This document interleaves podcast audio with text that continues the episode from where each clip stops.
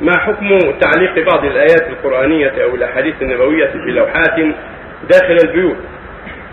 الذي نصيب أن هذا لا يجوز لأن عرضة لسقوطها عرضة للاستهلاك بها ولأن القرآن لم ينزل يعلق الجدران في المساجد أو البيوت وإنما نزل يعمل به ويحفظ. هذا هو الحكمة في إنزاله. لا يعلق في الجدران أو في المساجد أو ما أشبه ذلك فالذي ينبغي عدم فعل ذلك